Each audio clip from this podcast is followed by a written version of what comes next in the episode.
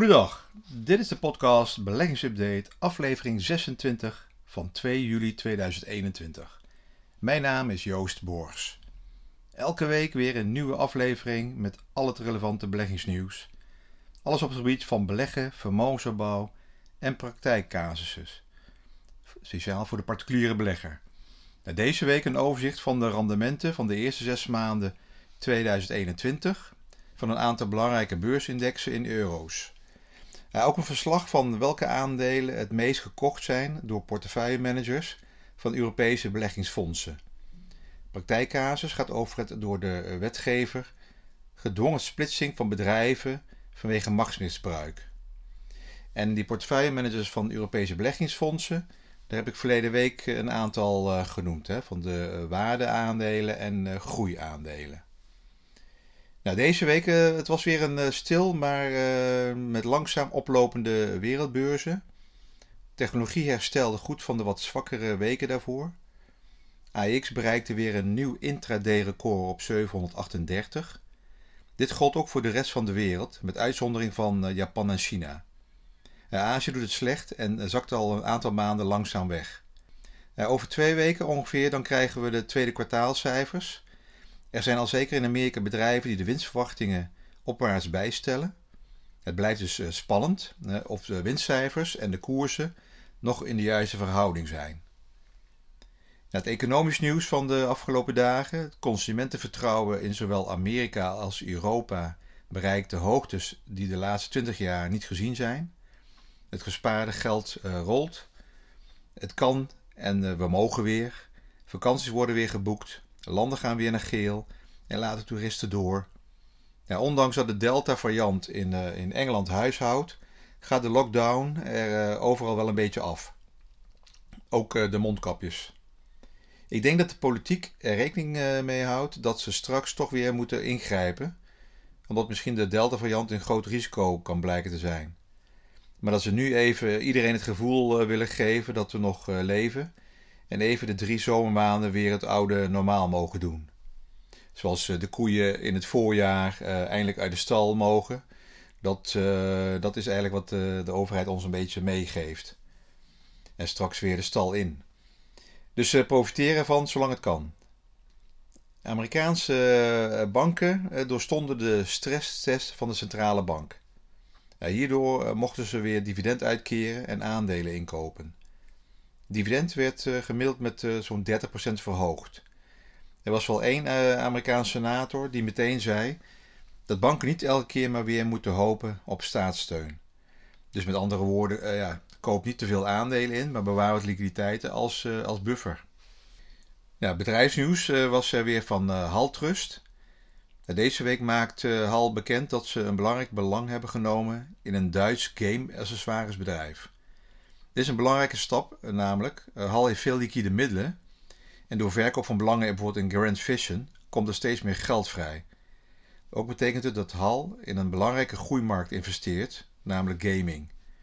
Er zijn wereldwijd zo'n 2 tot 3 miljard gamers en er gaat erg veel geld uh, in om. Gamen is groter dan de filmindustrie.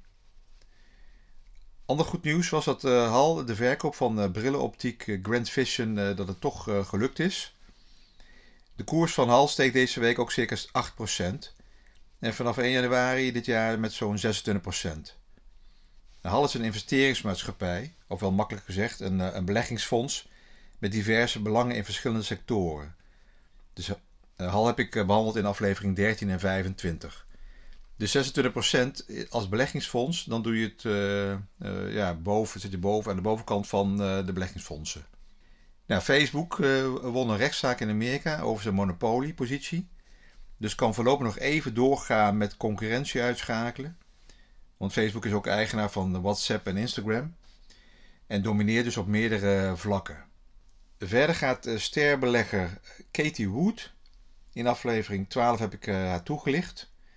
Katie Wood is de fondsmanager van ARK Invest. Ze gaan in ieder geval een uh, Bitcoin index trekker opzetten. Daarnaast heeft ze ook een belang in Coinbase in haar beleggingsportefeuille. Nou, dit kan uh, in ieder geval Bitcoin een beetje ondersteunen als uh, Katie ook hier een index trekker van probeert op te zetten. Maar ze moet nog even langs de wet- en regelgeving afdelingen kijken of ze dat toestaan. Nu, wat heeft de eerste zes maanden opgeleverd als je voor 100% belegd was in aandelen? Wat voor rendement heeft, uh, had je kunnen halen? Nou, de eerste zes maanden van een aantal hoofdindices, het rendement heb ik, uh, ik heb voor de MSCI-index gekozen. MSCI is een instituut dat indexen samenstelt. Pensioenfondsen, fondsmanagers en vermogensbeheerders gebruiken deze indices. Met deze cijfers kunnen ze namelijk vergelijken hun eigen prestaties met eh, die van uh, die MSCI. De AX als index voor vergelijkingsmaatstaven wordt zelden meer gebruikt. Nou, MSCI eh, Europe heeft zo'n 16% stijging, de eerste vanaf 1 januari. Noord-Amerika 17% en MSCI World 15,5%. Allemaal vanaf 1 januari en in euro's. Een uitstekend eerste helft van 2021. Zeker na de stijging die we vorig jaar al hadden gehad. Alleen als je de AX eh, volgt, eh, die steeg 16,8%. Strategen verwachten een iets mindere tweede helft. Maar als je eind dit jaar ook nog op een plus 12% eindigt, dan heb je een echt een prima jaar. Welke aandelen zijn de afgelopen maand door beleggingsfondsen gekocht in Europa? Ik heb een overzicht van 20 beleggingsfondsen die gericht zijn op eh, de grootste bedrijven in zowel waarde als groeiaandelen. Uh, vier van deze beleggingsfondsen heb ik uh, verleden week opgenoemd.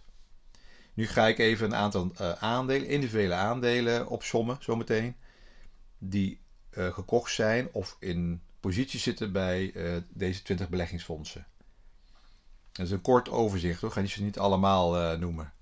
Het zijn wel vaak bedrijven uit de sector gezondheidszorg en consumenten, duurzame consumentenbasis. En natuurlijk ook wat de technologie. Maar Europa heeft niet zoveel technologiebedrijven als Amerika. Vaak heel eh, bekende namen. Hè. Dat zijn de grotere bedrijven. Large caps worden ze dan genoemd. Bijvoorbeeld GlaxoSmith, Novartis. Dan heb je een oliemaatschappij Total. Eh, bank UBS.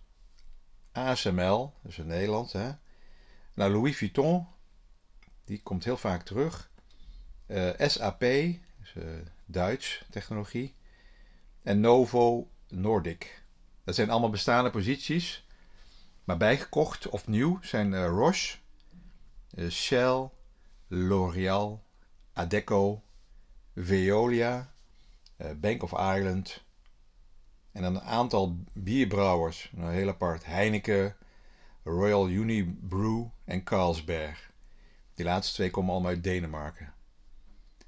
Ja, die, dus de laatste drie zijn de brouwers van bier. Ik, ik denk dat deze kies voor het opengaan van de horeca en het zomerseizoen. Dit soort bedrijven hebben een enorme kaststroom. Waarschijnlijk dan ook voor het, uh, het dividendrendement. En een uh, opvallende nieuwkomer is uh, Fineco Bank is een Italiaanse online broker. Te vergelijken met Bink uh, of de Giro in Nederland. Men verwacht ook dat in de, de Middellandse Zeelanden er meer vermogen opgebouwd gaat worden via beleggen. Door een uh, hele nieuwe generatie. Dus de Fineco-bank. Nou, de praktijkcasus in verband met die rechtbank uitspraak over machtsmisbruik van Facebook nou, dat was één uh, uitspraak van één rechtbank. Maar in Amerika, uh, de Amerikaanse overheid, gaat de grote uh, techbedrijven nauwkeurig onder het loep nemen. En daar ook toch kijken naar machtsmisbruik en of ze misschien niet gesplitst moeten worden. Een aantal, dus, dat zijn een aantal van die zogenaamde techbedrijven als Google, Facebook, Apple en Amazon. Door hun succesvolle strategie en businessmodel zijn ze heel groot geworden zodat zowel iedere nieuwkomer eh, geplet wordt en eigenlijk kansloos is. Ja, ook zo groot dat deze vier bedrijven zelf landen kunnen domineren. Niet alleen vanwege hoeveelheid geld, maar ook vanwege de infrastructuur en de dienstverlening die ze hebben. Wij kunnen niet zonder dit soort grote bedrijven. Ja, iedereen ook in Nederland zit op Google. De meeste zit op Facebook. Iedereen heeft wel een Apple. je wordt echt gestuurd. Die bedrijven sturen je naar een bepaalde levenswijze of levensvisie. En dat zit vooral wat hun verdienmodel is en hun verdiencapaciteit kan vergroten. Maar ja, we kunnen haast niet zonder, lijkt het wel. Nou, Amerika, dus onder leiding van uh, Biden, probeert hier wat aan te doen. Maar nu in het verleden eh, kan het wel, kan er wat, is het, komt het wel eens vaker voor. Nou, ik heb enkele praktijkvoorbeelden opgezocht uit het verre verleden, die wel enorme impact hadden.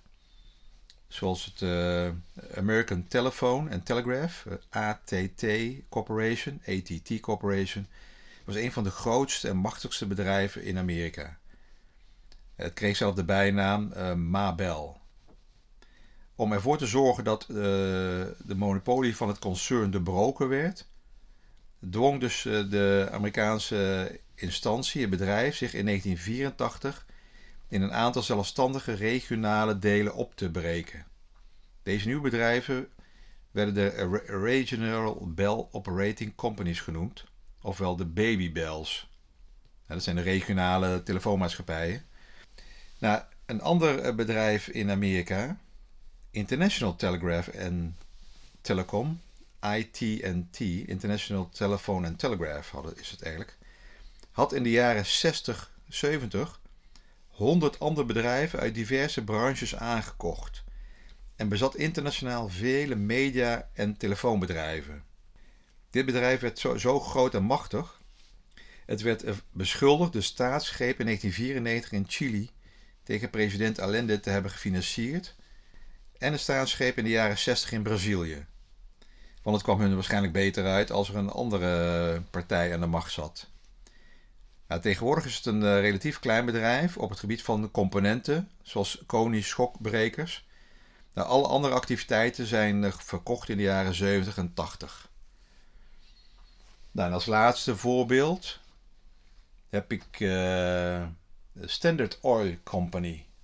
Dat is een oliebedrijf in Amerika, heel lang geleden, begin 1900, van John Rockefeller dit bedrijf werd ook eh, zo machtig dat de Amerikaanse autoriteiten in 1911, ja, zo lang bestaat de mededelingsautoriteit al, eh, ze besloten hiertegen op te gaan treden.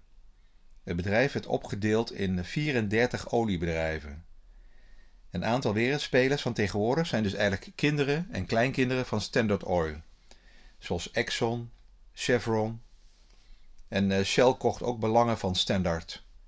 En ook het uh, Engelse bedrijf British Petroleum kocht uh, allemaal belangen van de Standard Oil. En Rockefeller werd door deze opsplitsing en het feit dat hij overal dan kleine aandelenbelangen behield, wel de rijkste man van de wereld in die tijd. Nou ja, over olie en olieprijzen trouwens. Deze week vergadert de OPEC. We zijn al twee dagen aan het vergaderen. Het gaat, uh, donderdag kwamen ze niet tot een akkoord over het aantal vaten dat ze mogen produceren. De uitkomst kan wel belangrijk zijn voor zowel de olieaandelen als voor de inflatieverwachting. Want olie is een belangrijk component in die inflatieprijs. Momenteel staat eh, zelfs in Amerika de benzineprijs op een eh, hoog niveau. En dit zo vlak voor een eh, lang weekend. Ja, wat voor weekend is het? Het is het. de Amerikaanse beurs zijn maandag 5 juli gesloten. Dan mogen ze thuis zitten, hun kaarten verwerken van Independence Day oftewel de 4th of July. Ja, dat is dan de aanstaande zondag. Oké, dank voor het luisteren. Het is allemaal mijn persoonlijke mening, eh, geen direct advies. Je kan me volgen ook via Instagram door de weeks. Of mailen mag ook altijd als je vragen hebt. Het info@beleggingsupdate.nl. Tot de volgende week.